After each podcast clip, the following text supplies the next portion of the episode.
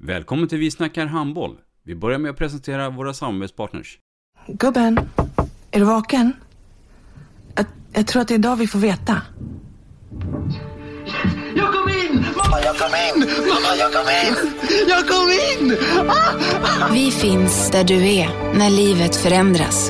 För alltid välkommen till Länsförsäkringar. Nej men, ska du ha t-shirt på dig? Du, det är ingen vanlig t-shirt. Det är en nya bollar till klubben-t-shirt. Och så matchar den grillkryddorna vi ska använda. Hur då? Men det är ju alla ska med på klassresan grillkryddor. Stötta barn och unga. Shoppa på newbodyfamily.com. Länge leve föreningslivet!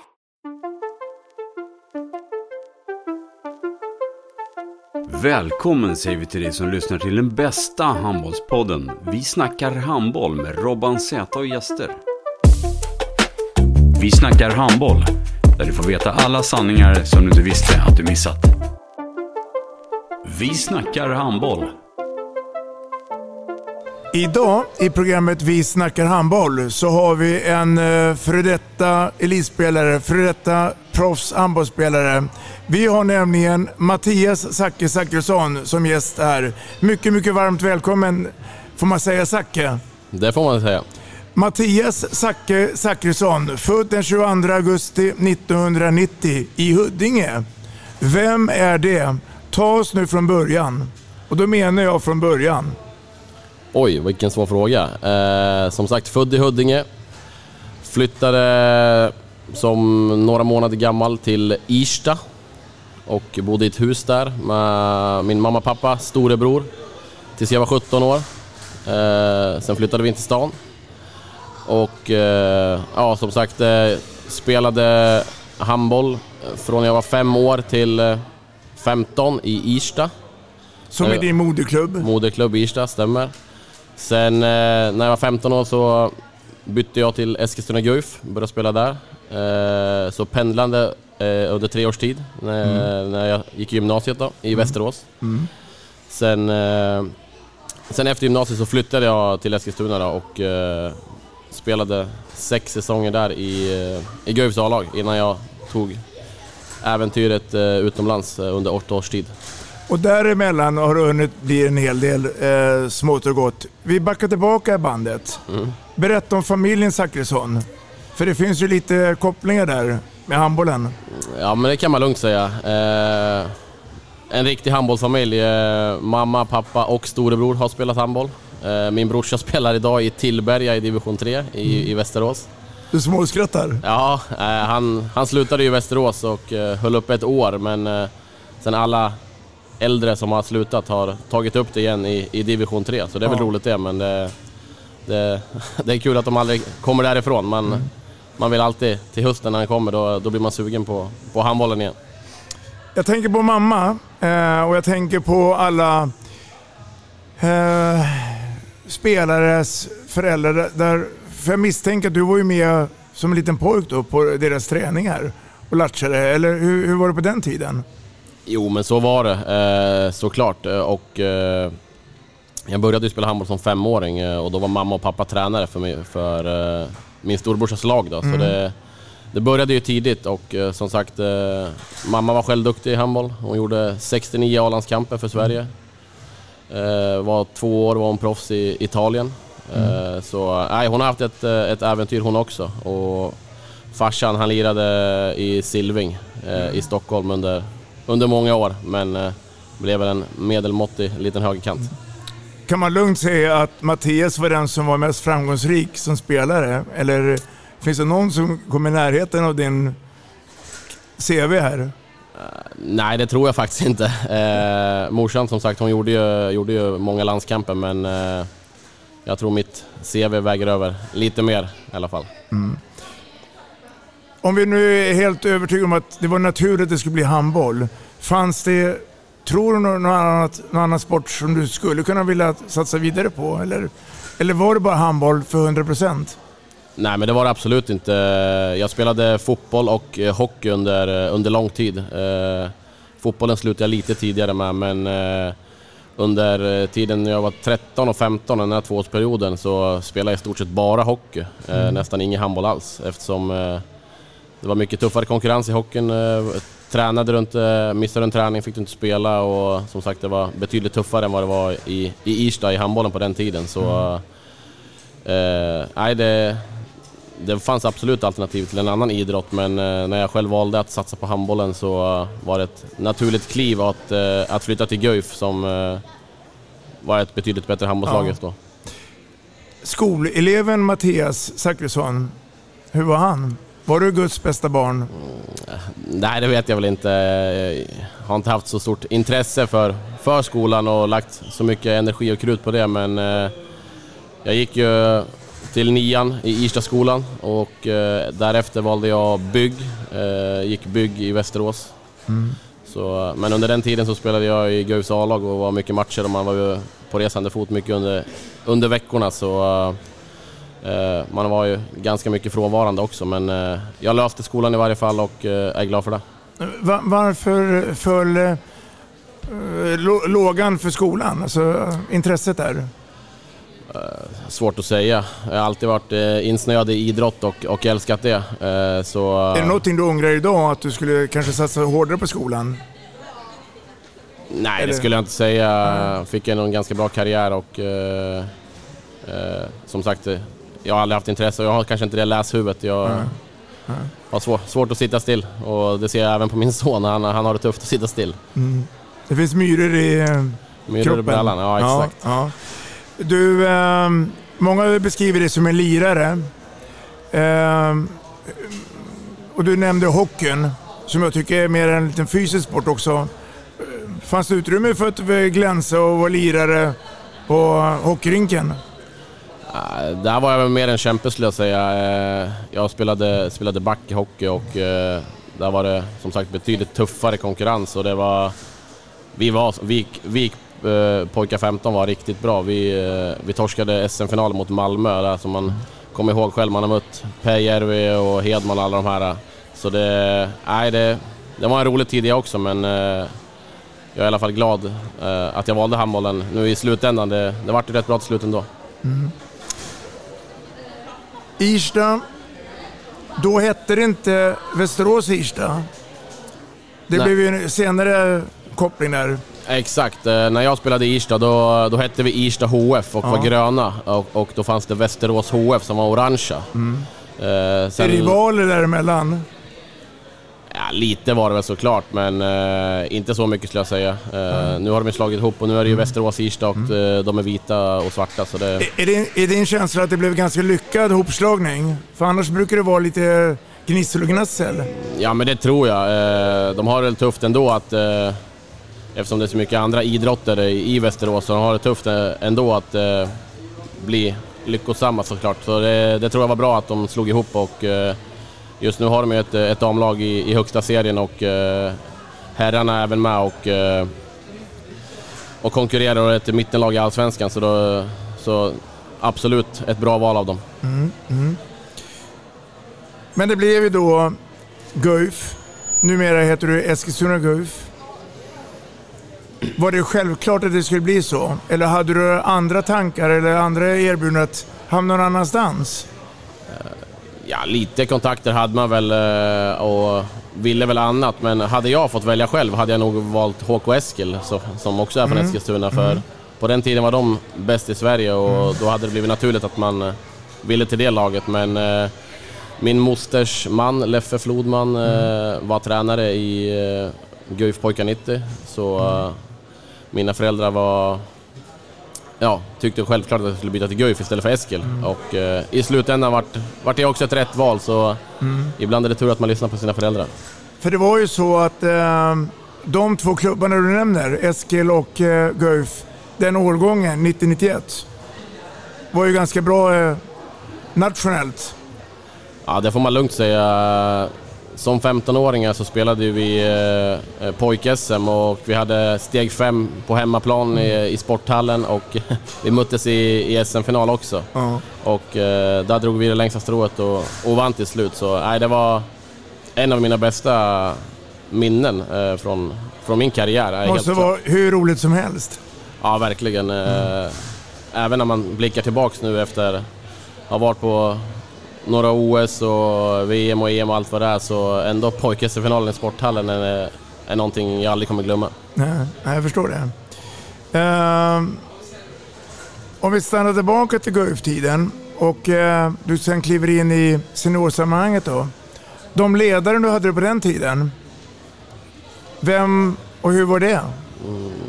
Ja, som sagt, eh, jag kom till Guif som 15-åring. Eh, gjorde mina första träningar med A-laget redan, redan första året jag kom dit, eh, i slutet på säsongen. Eh, sen som eh, 16-åring eh, debuterade jag och eh, gick upp permanent i, i Guifs avtrupp då. Och, eh, då hade jag Krille Andresson som, som tränare. Tränare, ja.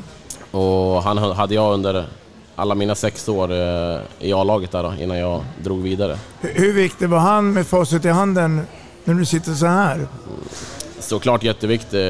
Jag har haft många tränare. Och jag har haft Staffan Ola, jag har haft Krille och hade tre, fyra tränare i Berlin tror jag. Mm. Men eh, Krille är absolut en av de bästa tränarna jag har haft och han har ju en stor del i att jag blev den spelaren jag blev eh, eftersom han eh, släppte fram mig så pass tidigt. Jag tänkte, vi, vi kommer komma till din resa där. Jag, jag, jag, jag är kvar fortfarande i, i eh, storstaden för handboll, Eskilstuna. För att på den tiden och lite tidigare så var ju handbollen ohygglighet i Eskilstuna. Jag tänker på sporthallen. Nu kanske det är lite annorlunda, eller? Ja, det är det verkligen. Eh, jag kan sakna sporthallen. Det... Alla visste vad sporthallen var i Sverige och som sagt i... Hemma, på hemmaplan var vi otroligt svårslag, svårslagna. Det, det var alltid tufft att komma till sporthallen och spela. Och, men på den tiden också var vi ett topplag och, och spelade i stort sett semifinal varje år. Och snittade runt 2000 på läktaren och, och då var det i stort sett fullt i sporthallen. Den tog 2,6 men var det 2000 där så var det ett riktigt, riktigt bra tryck. Så nej, men det, det var en sjukt rolig tid och eh, ja, sporthallen kan man sakna även fast eh, Stiga som, eh, som är ny nu är otroligt fin. Mm, den är fantastiskt fin. Ja, verkligen. N- när det gäller då eh, Guifs herrlag eh, nationellt och jag tänker på SM-guld och det, så är det en speciell eh, saga också det. För att eh, den saknas ju. Ja, tyvärr. Eh, nej, det har, har låst sig får man säga. Vi har ju haft... Eh, de sex åren jag var där så spelade vi två SM-finaler och... Berätta om de två.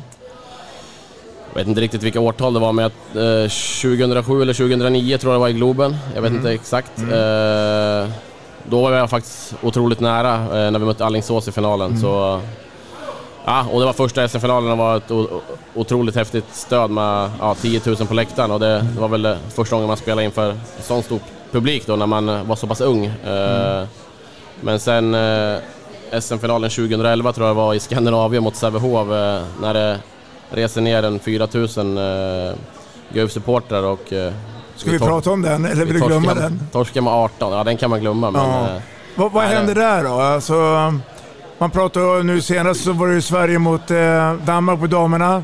Kollaps i första halvleken. Mm. Här kan man prata om en dubbel kollaps kanske. Det kan man lugnt säga. Eh, Jag kommer inte ihåg jättemycket av matchen, eh, men eh, det var ju otroligt tråkigt när det var sån fin inramning och allt vad det var. Och sen eh, är matchen redan avgjord i paus och eh, det fortsätter, det fortsätter tyvärr att rinna iväg i andra halvlek också. Och, och de vinner med 18, så det är klart... eh, Nej, det är någonting som är riktigt tufft såklart, men... eh, Nej, jag, tycker ändå vi, vi hade ett otroligt bra och, och härligt lag i, i Guif på den tiden eh, när Krille valde att ta bort de mer rutinerade och, och satsa på de yngre och fick en otrolig utväxling. Och det var ju därifrån vi gick till ett, ett topplag eh, när han gjorde den där generationsväxlingen. På den tiden så var det ju en SM-final.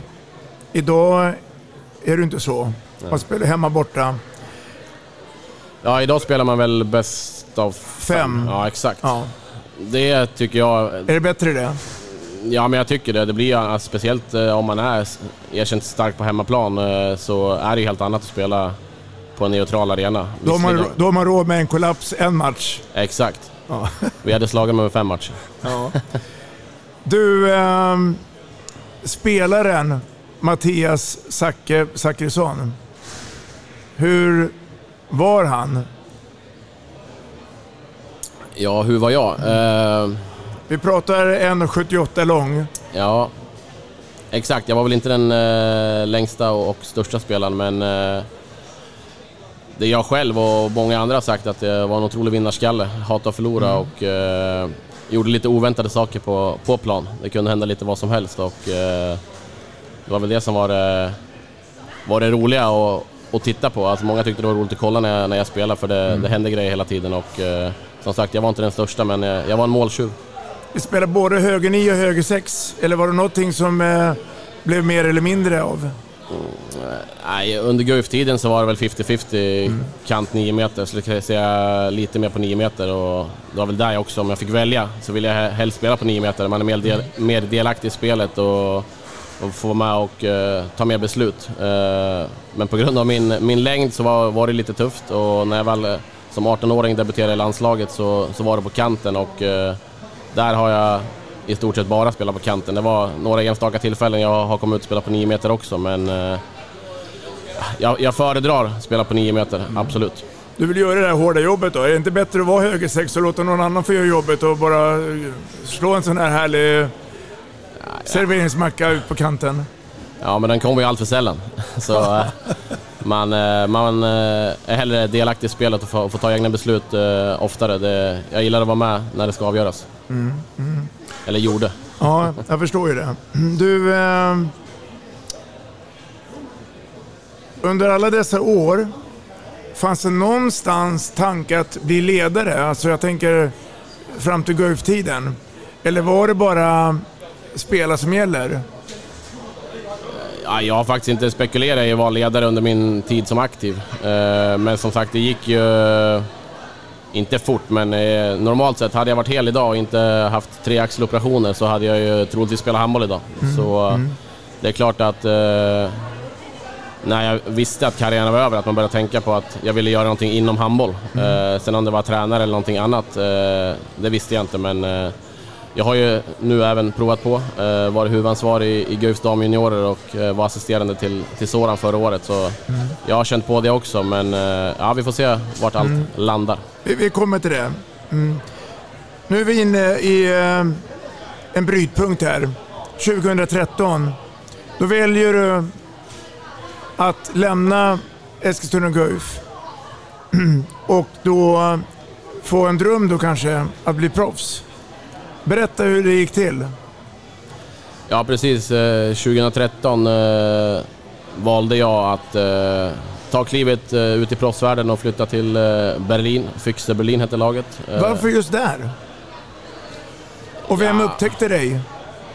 Tränaren, Dagor Sigurdsson, eh, han är idag förbundskapten i Japan. Eh, Islänningen? Ja, exakt. Eh, Det gick, det gick rätt så fort för att eh, sportchefen i Berlin var överens med Jolie, hette han, en högerkant i Frankrike Mm. som var straffskytte under många års tid i, i landslaget där. Och, men eh, sen ville tränaren hellre ha mig än, än han då och eh, då gick det faktiskt rätt så fort och jag kände att jag kunde inte säga nej till det. Eh, de hade spelat Final Four i Champions League året innan och var en, en toppklubb i, i Bundesliga så Mm. det gick otroligt fort. Men eh, samtidigt året innan, eh, då var jag i Logroño, eh, eller Logron, La Rioja Mm. eh, och eh, hälsade på där och var otroligt nära att flytta dit men men sa nej för det, det kändes inte rätt i magen helt enkelt och i slutändan var det ju rätt bra för de, de konkade ett halvår efter tror jag, eller de fick ekonomiska problem. Fick, fick du hjälp under den här resan? Alltså, hade du agent? Eh, Eh, yes, eh, jag har haft samma agent som de flesta har. Uh. Åke Unger har hjälpt mig under... eh, med facit i handen nu, vad, betydde han mycket för dig där? Eller hade du kunnat göra den här resan själv? Han har såklart betytt otroligt mycket. Eh, Han, eh, han tar de tuffa diskussionerna med klubben om, om löneförhandlingarna Mm. och han kan ju stå på sig betydligt mer än vad man själv hade gjort. Ja. Så det är klart, han har, har hjälpt mig otroligt mycket. Sen när du väl visar upp dig på mästerskap och allt, eh, då, då får du ju intresse ändå från, från klubbar. Eh, Mm. Så det är inte så att han har väl hjälpt mig att hitta klubbar, men eh, han har varit otroligt viktig för mig i, Mm. i förhandlingar och, och kontraktskrivningar. Mm. Om ni nu hör att det är högt ljud här nu så är det så att när vi gör inspelningar med Mattias så är vi i Rosvalla eh, Arena i Nyköping och tittar också på Sverigecupen. Om vi kopplar ihop det här med agent, drömmar och det, så just nu är det Sverigecupen för de som är födda 07, 15-åringar.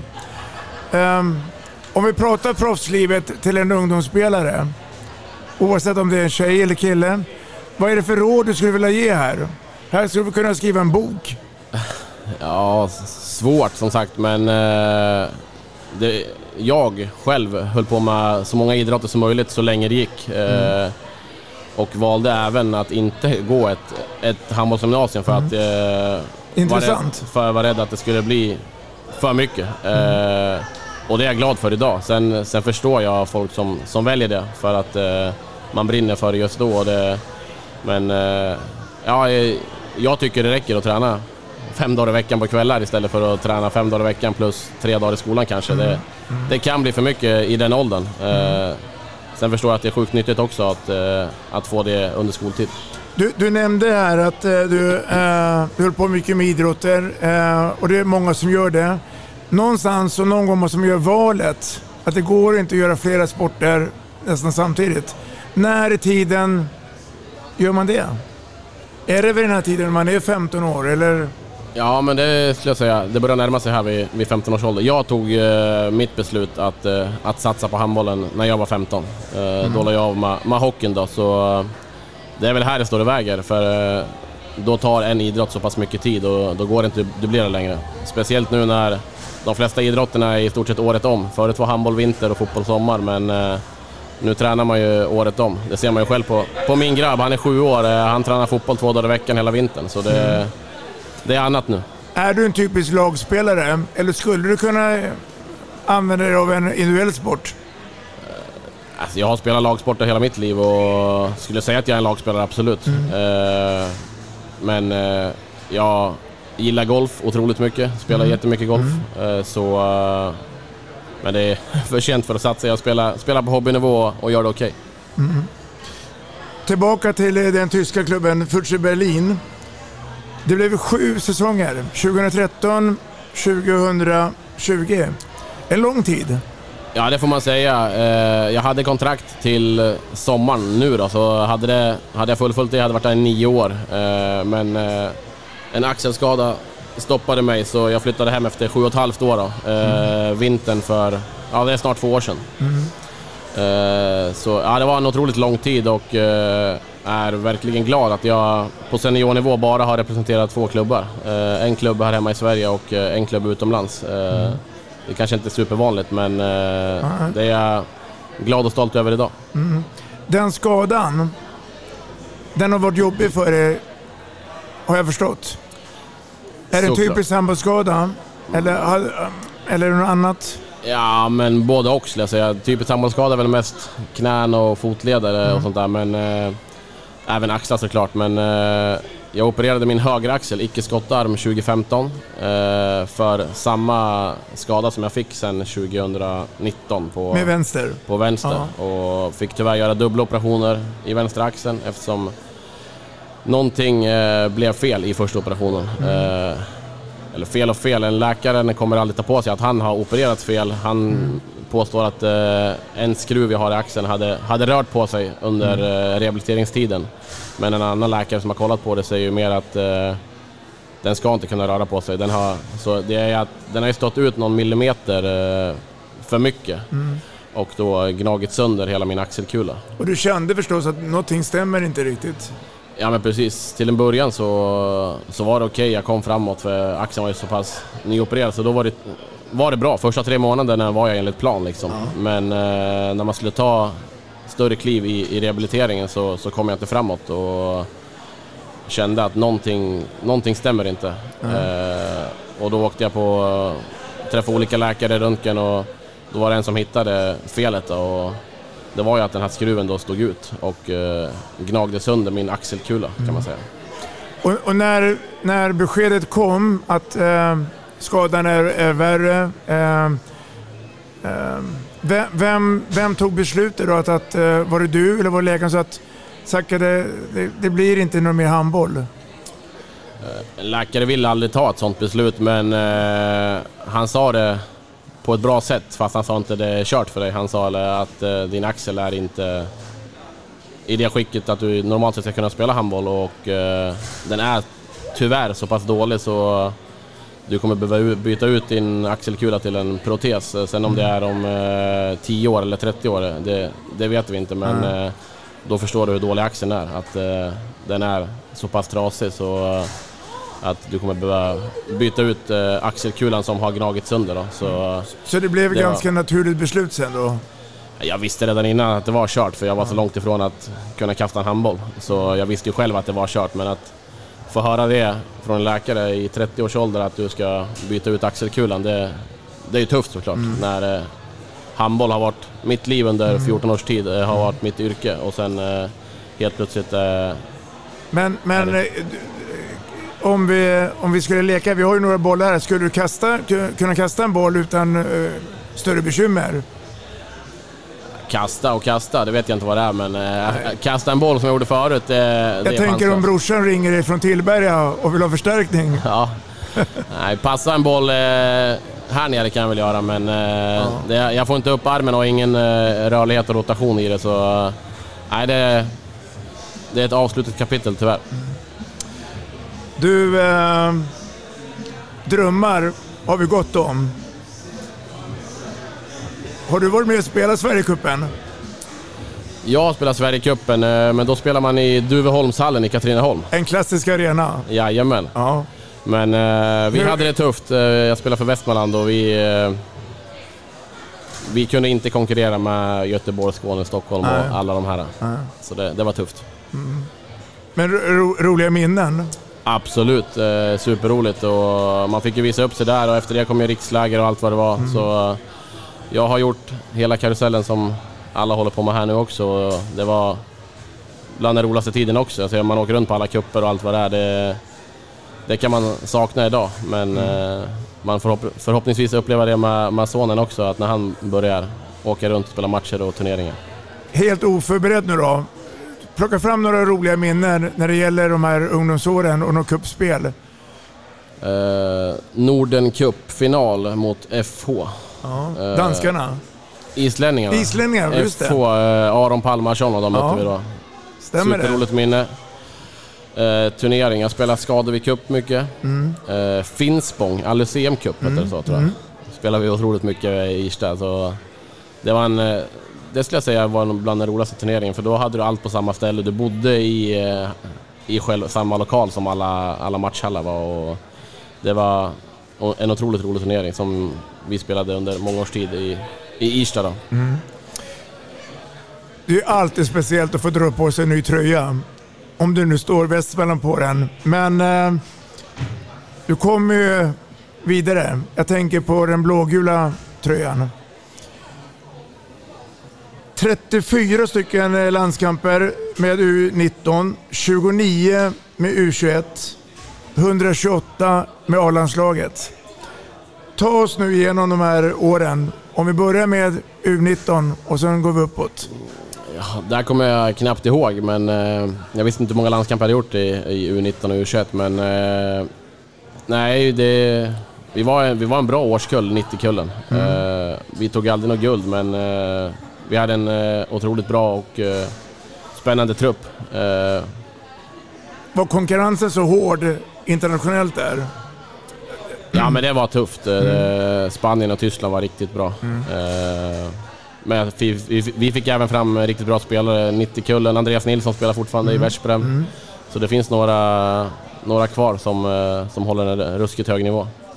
Och, och förbundsledningen, vilka var det som höll i taktpinnen på den tiden? Uh, Ludde, Anders Lundin. Anders Lundin. Anders Ja, Lundin ja. var eh, tränare då eh, i U20 och eh, jag var med och spelade lite med 88 i U21 där och då var det här Börjesson tror jag Ja. Magnus Börjesson. Exakt.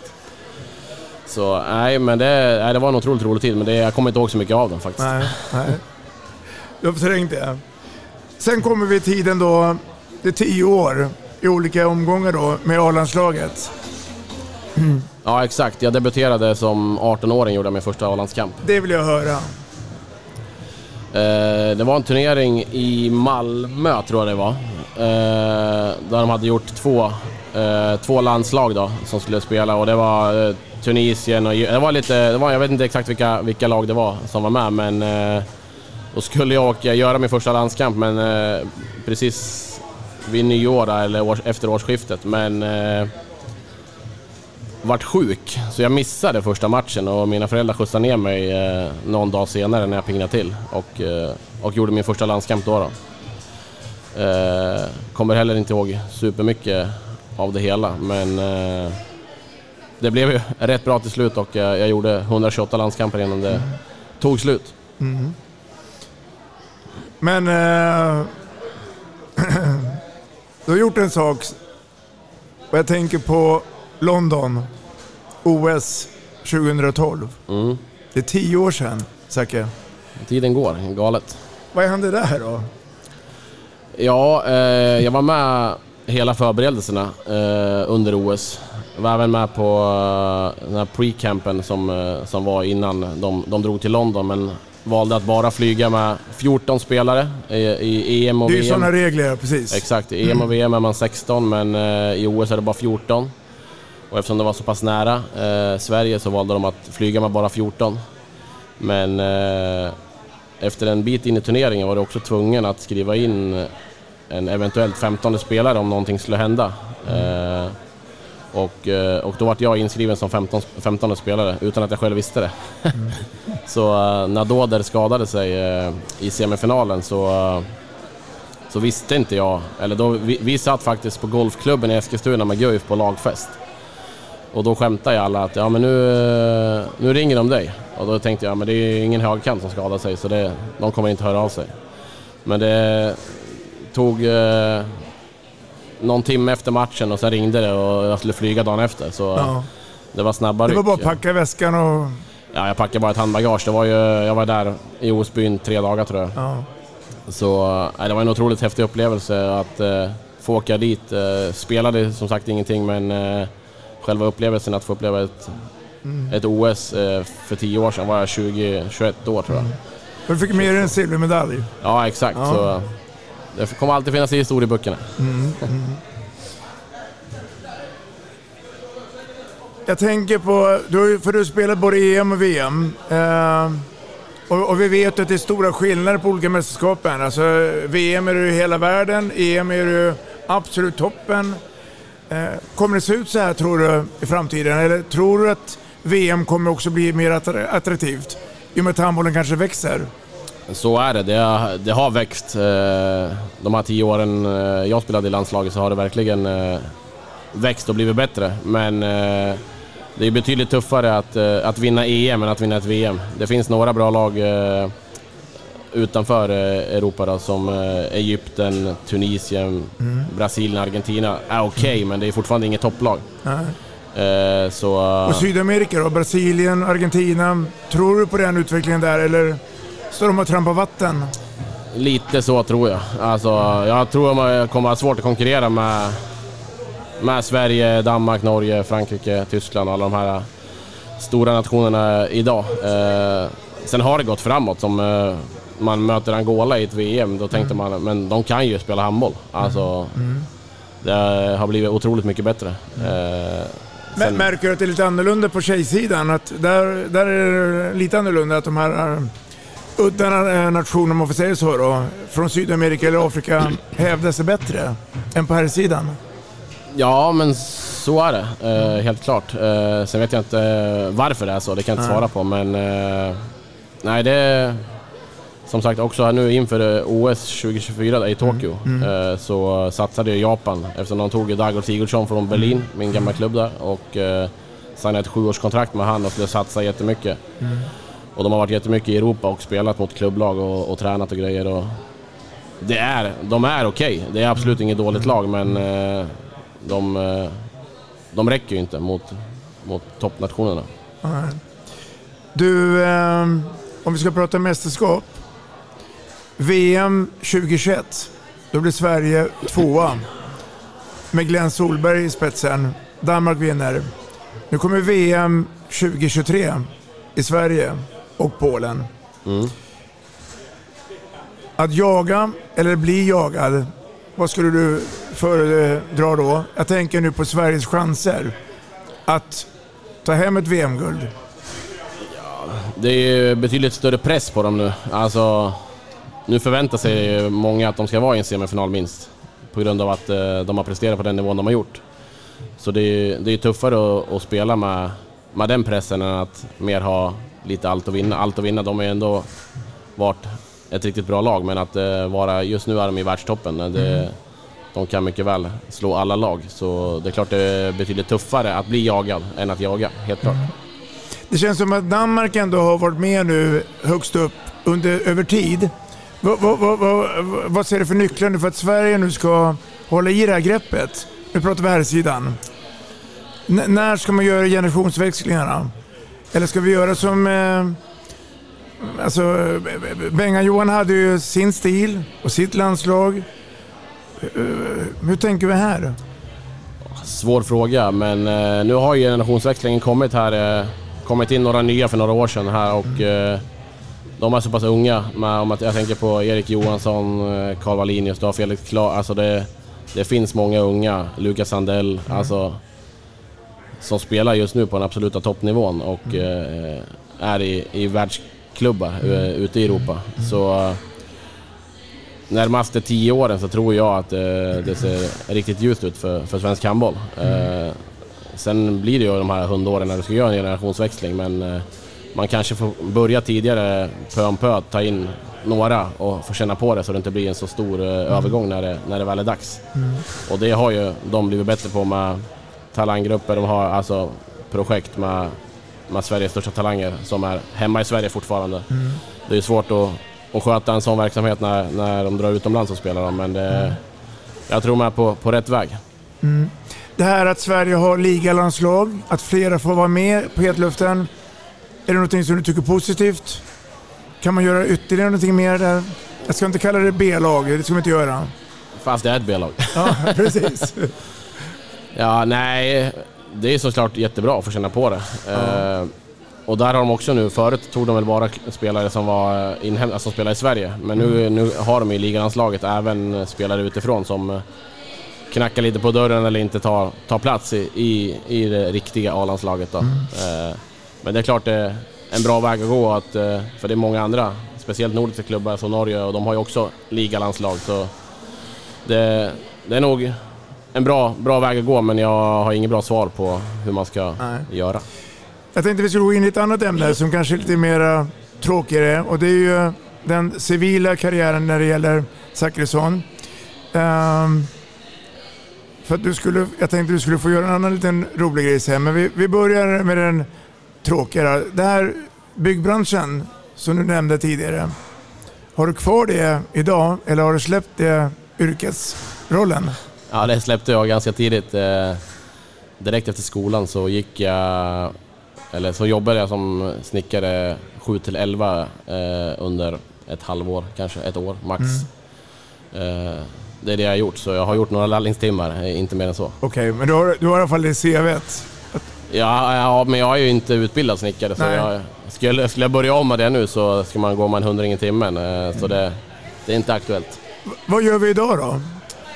civilt? Uh, idag, eftersom uh, min axel som sagt gick sönder uh, i Tyskland så har det varit ett, en lång försäkringsärende. Har det varit. håller även på än idag. Det är inte avslutat än så det har tagit sjukt lång tid. Men på grund av att jag inte kunde utföra mitt yrke som handbollsspelare längre i Tyskland så fick jag möjligheten att eh, studera eh, i två år eh, och få, få pröjs från Tyskland. Då. Så, mm. Jag har snart pluggat i ett och ett halvt år och har ett halvår kvar av, av min utbildning. Så eh, det är ändå en eh, jätteskön och trygghet att eh, inte känna att man kommer hem och behöver hitta ett jobb för att tjäna pengar och grejer. Så jag har, har betalt från Tyskland i, i två år till. Mm. Eller två år till, nu är det mm. åtta, tio månader. Mm, mm. Jobbar Men, även eh, som handbollsexpert på ATG ja. eh, idag. Och då, då, är det så att eh, vi pratade om det förut, den här ledarrollen. Eh, så var du figurerad med Eskilstuna Guifs herrar som assisterande. Berätta lite om den tiden och så, så händer det någonting under den här perioden med eh, spel och dobbel. Spel, exakt. Stämmer bra. Nej, men eh, jag var med under... Eh, jag flyttade hem eh, mitt i säsongen, eh, november tror jag, och då hörde Guif av sig direkt eh, och ville att jag skulle hoppa in och hjälpa till eftersom Soran inte hade någon assisterande tränare. Så eh, jag hoppade in och, och hjälpte dem eh, från dag ett jag kom hem i stort sett. Eh, så jag kom in mitt i säsongen, det var rätt svårt, eh, men var mer en god gubbe, stöttepelare. Eh, men eh, fortsatte även eh, att köra en, en säsong till då.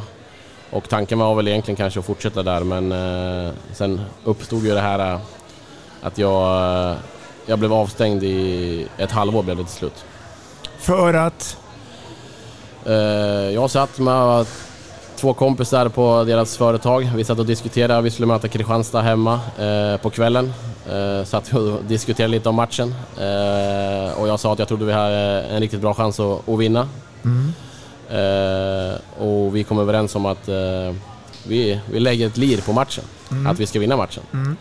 Och jag tänkte inte så mycket mer på det, jag la det på, från mitt konto på ATG.se där. Eh, och eh, sen var det inget mer med det, vi, vi vann matchen Mm. och vi var glada för det. men sen tog det ett tag. Den här matchen var i februari tror jag. Mm. Sen gick det några veckor och sen fick jag en, eh, en anmälan att, eh, alltså jag, jag, att jag hade, hade spelat på matchen då, som Mm. sagt. Och sen... eh, Vad tänker man då? då? Ja, då fick man ju en klump i magen och alltså... Hade jag vetat att det var strikt förbjudet hade jag ju, om jag nu ville spela på den matchen, hade jag kunnat gjort det på hundra olika andra sätt. Mm. Alltså, så eh, hade jag vetat att jag inte fick det hade jag ju inte gjort det för det- Mm. det är ju dumt att sätta sig i den Mm. situationen och ta den risken. Och kom beskedet via post eller kom det någon som ringde upp dig och sa att Eh, hej, här... Ri- ringde upp mig och sa att eh, det hade hänt och att eh, du kommer få en, en anmälan mot dig. Mm. Och sen vart det en mailkontakt då. Eh, men den här anmälan fick jag i, i mars tror jag. Och eh, förstod ju då såklart att jag hade gjort ett, ett regelbrott kan man väl säga. Mm.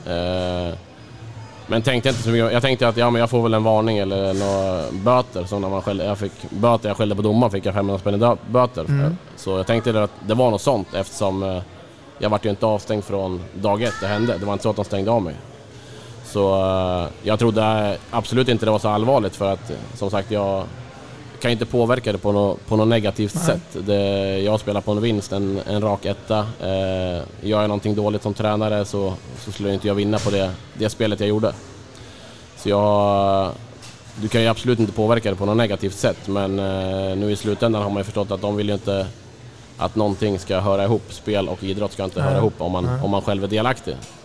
Det kan jag förstå men eh, jag har ju inte varit i någon sån situation innan och, så jag trodde absolut inte det skulle bli så, så allvarligt som, som det blev. För eh, som sagt, jag blev inte heller avstängd från, från dag ett. Eh, det gick en sjukt lång tid. Jag fick ge min, eh, min version av det hela. Och sen hände det ingenting heller. Det tog, gick månader. Säsongen tog slut. Vår säsong tog slut. och eh, sen helt plötsligt dimper det ner att jag är avstängd hela året. Och då...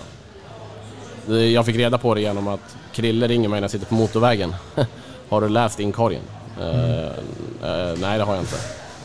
Och han var själv chockad för eh, som sagt, vi, hade, vi trodde det inte var så allvarligt på Nej. grund av att det tog så lång tid och det hände ingenting. Alltså, det, vissa som blir avstängda för kokain, de får ett års avstängning eh, för att ha, ha dragit något kokain och grejer. Och, och jag lirar på en, på en vinst och, och får i stort sett samma straff. Eh, Så det, det var oerhört Du blev hårt. tagen på sängen där. Helt klart. Eh, Jag förstod som sagt att det var ett regelbrott när, när anmälan kom, men eh, om man jämför det med doping och Mm. knark och vad det nu är de håller på med där, så eh, där blir det ju avstängt från dag ett. Mm. Är urinprovet positivt så är du avstängd. Men det här tog ju tre månader innan, innan jag fick min, min dom eller någonting. Så det, Vad, vad sa klubben då när, när det här kom upp då? Nej, men, eh, Skyddar de dig eller, är det så att man, man tar avstånd eller hur, hur funkar sånt där? Nej, det gjorde de inte. Alltså de, eh, de tog inte avstånd, absolut inte. De sa vi vill ha hjälp med någonting så, så hjälper vi dig gärna. Ja. Och, för de tyckte också det var hårt i det stora hela. Och vi gick ut med en pressrelease att vad som hade hänt så att man, det inte varit fel spekulationer i tidningarna. Det kom ju Aftonbladet och allt vad det var rätt så fort. Men eh, jag tycker ändå att vi gjorde det rätt bra. Vi gick ut med det men, på hemsidan först och sen kunde vi också kunde jag få ge min variation till alla mm. tidningar eftersom mm. de hörde av sig till mig då, så det, istället för att det vart helt feltolkat. Mm. Så ja, det vart otroligt hårt och tufft eh, men eh, jag har lärt mig idag att man inte ska, ska göra det igen, eller att man inte får göra det. Mm. För tydligen, eh, jag överklagade ju domen gjorde jag ju. Mm. Och det var också en lång process, så de förkortade ju den till 20 november då, så att de förkortade den till, till sex månader istället för åtta och en halv eller vad det nu blir. Så den 21 november 2022, då är du fri som en fågel? Då är jag ute från fängelset igen. Ja. jag tycker det varit på tok för hårt. Jag, jag tror ju eftersom jag är många i handbolls-Sverige och även kanske handbollsvärlden vet, vet vem jag är. Mm. Så jag tror det gav ett mer eko i handbolls, handbollen, alltså i handbolls-Sverige, mm. att, eh, att jag fick straffet. Så statuera exempel. Eh, och tänkte att kanske inte jag blir så drabbad men samtidigt blev jag av med mitt handbollsjobb och mitt ATG-jobb. Nu har jag fått tillbaka ATG då, men eh, jag förlorade ju oerhörda pengar. Mm. Gjorde jag. Men eh, som sagt, i slutändan är det, är det jag som gjorde det men jag tycker att själva straffet i sig var ju otroligt hårt. Mm. Vi släpper det, tycker jag. Eh, jag uppskattar att du eh, berättar eh, denna tråkiga, om man nu får säga soppa då, men uppdragsgivaren idag, ATG, du är fortfarande kvar där? Ja, alltså... Jag vart ju avstängd från allt inom RF. Mm. Så jag var inte avstängd från ATG, men eftersom de är huvudsponsorer så hänger ju allt ihop, kan man säga. Så de, ville ju, de pausade mina tillfällen tills vidare. Så de, de tyckte det var... På ATG där händer det också stup i kvarten att travkuskar spelar på sig själva och de får lite böter, sen är det bra med det. Så uh, de var ju lite frågande till att det uh, var så otroligt hårt och tufft straff mm. ju, när jag hade kontakt med, med dem. Men nej, de pausade tills vidare och nu var jag tillbaks på ATG i, i torsdags igen. så det är otroligt skönt och ett, ett jobb och, som jag tycker är otroligt roligt. Hur, hur är det att vara expert nu då? Det är inte så enkelt, eller? enkelt, man får säga vad man tycker och tänker. Ja. Eh, och eh, det är jag inte rädd att göra heller. Alltså, jag, jag säger vad jag, vad jag tycker och tänker och eh, att få prata handboll är, är otroligt kul. Mm, som vi gör just nu. Ja, det är, det är rätt häftigt. Absolut. Ja. Jag förstår det. Du, eh, kommer tillbaka till det vi pratade om tidigare. Tränare och ledare. Är du eh, redo för det nu? redo, det, är jag men eh, det är inte aktuellt att bli tränare idag. Men, men du ser inte, du stänger inga dörrar utan det finns, det finns där någonstans? Absolut, eh, jag har känt på det och tyckte det var otroligt roligt. Speciellt att vara tränare i, i damjuniorerna när jag fick mm. huvudansvar och styra och ställa. I Eskilstuna Guif? Exakt. Mm. Såg en otroligt stor utveckling eh, under, under det året jag var där. Så det var någonting eh, som gav mig energi och jag tyckte det var otroligt roligt. Om man jämför till exempel med assisterande i Guif tyckte mm. jag inte var så himla roligt. Är, är, du på den nivån du vill gärna vara med? Jobba mera eh, alltså med ungdomar som brinner för det? Eller är det så att du känner att ah, men jag vill ta ett huvudansvar? Sen om det är damer eller herrar på seniorsammanhang, spelar det någon roll? Jag tror ju på ett sätt det kanske är lättare att uh, vara huvudtränare i ett seniorlag, för där förstår alla handboll mm. mycket bättre än vad man gör på när man är junior. Mm. Uh, så det finns ju positiva grejer om det båda och som sagt, men uh, det överlägset roligaste av de här två grejerna jag gjort nu i alla fall, det var att vara tränare för, för de juniorerna. Mm. Det, det var otroligt roligt. Och eh, vid årsskiftet så blir vi pappa igen. Du har en pojk. Eh, är det där du ska eh, bli tränare, eller? Eh, det slutar nog i det. De är, på mig redan idag att jag ska hoppa in som tränare och hjälpa till och greja. Så eh, nej, troligtvis kommer man väl eh, bli en, en av tränarna i alla fall. Jag är inte- kanske inte jättesugen på huvudansvar nu när de är så pass unga. Det, det är tufft att få alla att lyssna när de är sju år gamla. Så det, men jag kommer absolut vara med. Jag är ändå där och sitter på sidan. Då kommer jag kunna vara med och, och hjälpa till såklart. Mattias Zacke Zackrisson.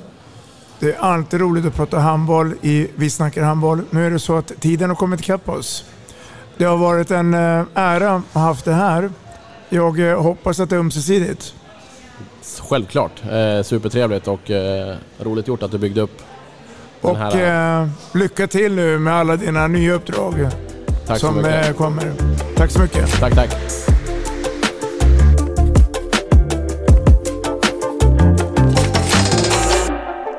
Vi snackar handboll, där du får veta alla sanningar som du inte visste att du missat. Vi snackar handboll. Vi snackar handboll produceras av produktionsbolaget High On Experience, från vision till passion. Ett avslutande tack till våra samarbetspartners. Hallå! Kommer ni eller? Ja, ja. Har du sett mina ankelsockar? De här? Nej, nej, jag menar skridskoslip till juniorlaget Ankelsockarna. Ja, men kolla bredvid träningsläger med handbollstjejerna-t-shirtarna. Stötta barn och unga. Shoppa på newbodyfamily.com. Länge leve föreningslivet! Gubben, är du vaken? Jag, jag tror att det är idag vi får veta. Jag kom in! Mamma, jag kom in! Mamma, jag kom in! Jag kom in! Ah! Vi finns där du är när livet förändras. För alltid välkommen till Länsförsäkringar.